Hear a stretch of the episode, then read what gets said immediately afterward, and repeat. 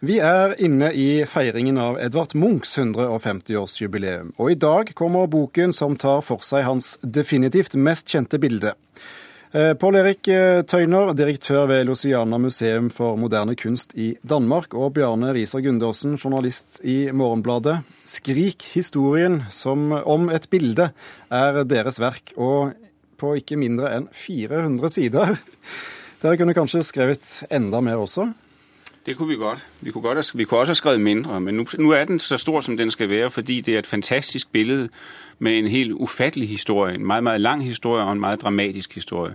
Og vi har prøvet at lave en bog, som om Skrig var en person eller en by, man rejste til, og så forsøger vi at sige stort set alt, hvad der er at sige om det her billede.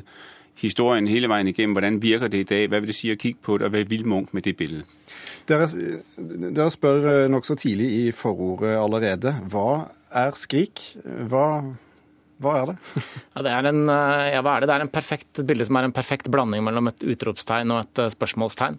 Det er et uh, sånn statement i det bildet som alle skjønner med en gang, uansett hvor mye eller lite forkunnskaper man har.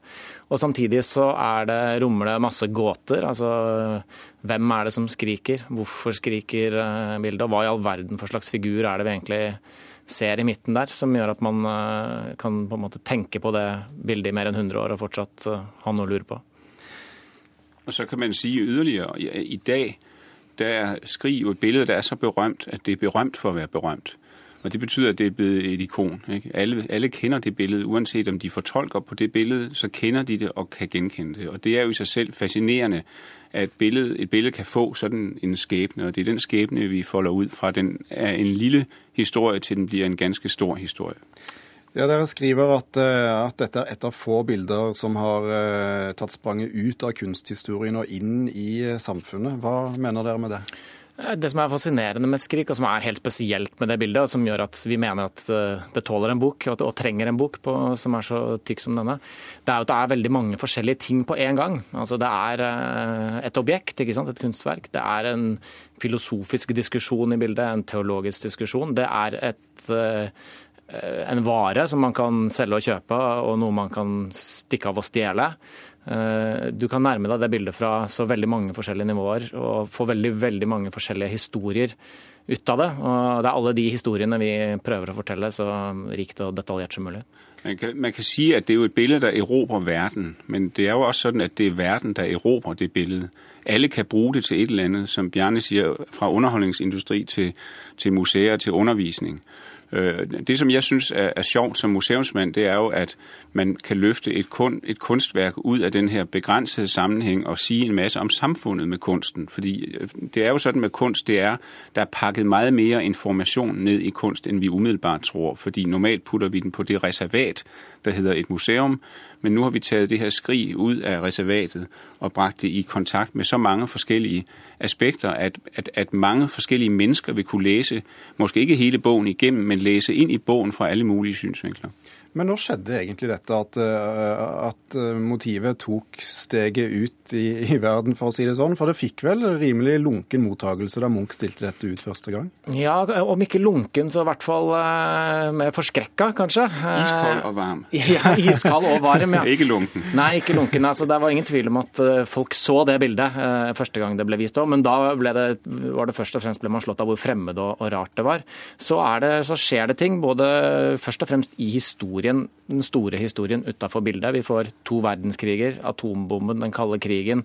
Du får 60-tallet med på en måte hele poppsykologien, hvor du skal, altså ungdomsopprør, og du skal få ut følelsene dine, alle disse tingene. Eksistensialismen. Ja, alt det. Og, det. Eh, og det gjør at plutselig går bildet fra å være noe litt sånn fremmed og ukjent, til å bli noe vi identifiserer oss med, og som alle tenker på som på en måte et bilde på vår tid. Og det skjer en eller annen gang rundt 1960, eller i løpet av 1960-tallet. Og nå er det så blevet meget kostbart, fordi det er blevet solgt til mange penge, så nå kan man så enten elske eller hade det endnu mer. Vet vi noe om, eh, om eh, Munch selv hadde noen tanker om eh, hvor stort dette bildet kunne bli? Det vi vet, er i hvert fall at han eh, ja, han visste nok at han satt på noe helt spesielt. Det, det, kan vi si. Og Det er interessant også med Munch, eh, men det er nesten som han liksom forsøkte å kue det. Altså det er, han stilte det aldri ut alene som et enkeltverk uh, i sin tid. Han putta det alltid inn i sånne billedfortellinger i det som heter Livsfrisen. Så, uh, og prøvde nettopp, nett, Nesten som han liksom prøvde å å ramme det inn eller liksom dempe det. Men i dag så har jo bildet brutt seg løs fra Munch og reist ut i verden på egen hånd på en måte som uh, han neppe kunne forutse. Men man kan også supplere med å si at det der er interessant ved boken, er at den indirekte viser den jo Munch som en mye mer moderne kunstner hva angår kunstnerrollen. Altså Man har sånn en, tror jeg, en fordom, der hedder, at det er kun i nyere tid, at kunst er blevet kommersiell. For 100 år siden var kunstnere bare naive, troskyldige sjeler der rett rundt og hadde store oplevelser. Det er overhovedet ikke tilfældet, hvis man ser på Munch. Altså, han er i fuld kontroll over hele kunstmarkedet og hvilke triks der skal til for å komme på banen. Og han er på den måde en, en helt aktuel samtidskunstner i, i, sitt grep om egen karriere. Alt dette styret rundt eh, Munch og, og alt som handler om noe annet enn selve uh, motivet, eller bildet som henger på museum uh, på, uh, på Nasjonalgalleriet og, og Munch-museet. Devaluerer det kunsten på noen måte, eller er det, er det, god kunst? Det kommer litt an på hvilke briller man har lyst til å ta på seg. På det åpenbart, først og fremst, så er det mye gøy med det, og det, holder, gjør bildet kjent. og det er, Du finner både humor og lekenhet og sånn i på en måte hele bruken av bildet. Men selv en veldig god poplåt blir utslitt av å spilles en million ganger. og Det er klart at det bildet i dag er utsatt for en viss sånn slitasje ved å siteres og karikeres så mye. så noe av det vi prøver med boka, er litt å gi det liksom rikdommen tilbake. Både sammenhengene det ble laga i, og alle de ulike variantene og tolkningene som har blitt lest ut av det opp gjennom tida. Men, men, det er klart, du har en pointe. Men jeg vil ikke si det devaluerer kunsten, fordi det verk blir jo verden mer eller mindre verd. Men det kan gjøre noe ved beskuerne. Det kan bli sværere å se på bildene når de blir gjentatt i så mange forskjellige sammenhenger. Og der, som Bjarne sier, er boken jo også et forsøk på å gi beskuerne nogle øjne tilbage øh, til at se med, fordi det er vanskeligt med Van Gogh og med Munch og med en række af de her helt udslidte karakterer øh, at få et forhold til de her billeder. Pål Erik Tøyner øh, og Bjarne Riiser Gundåsen, forfattere av boken 'Skrik historien som ble et bilde'. Tusen takk for at dere kom til Kulturnytt.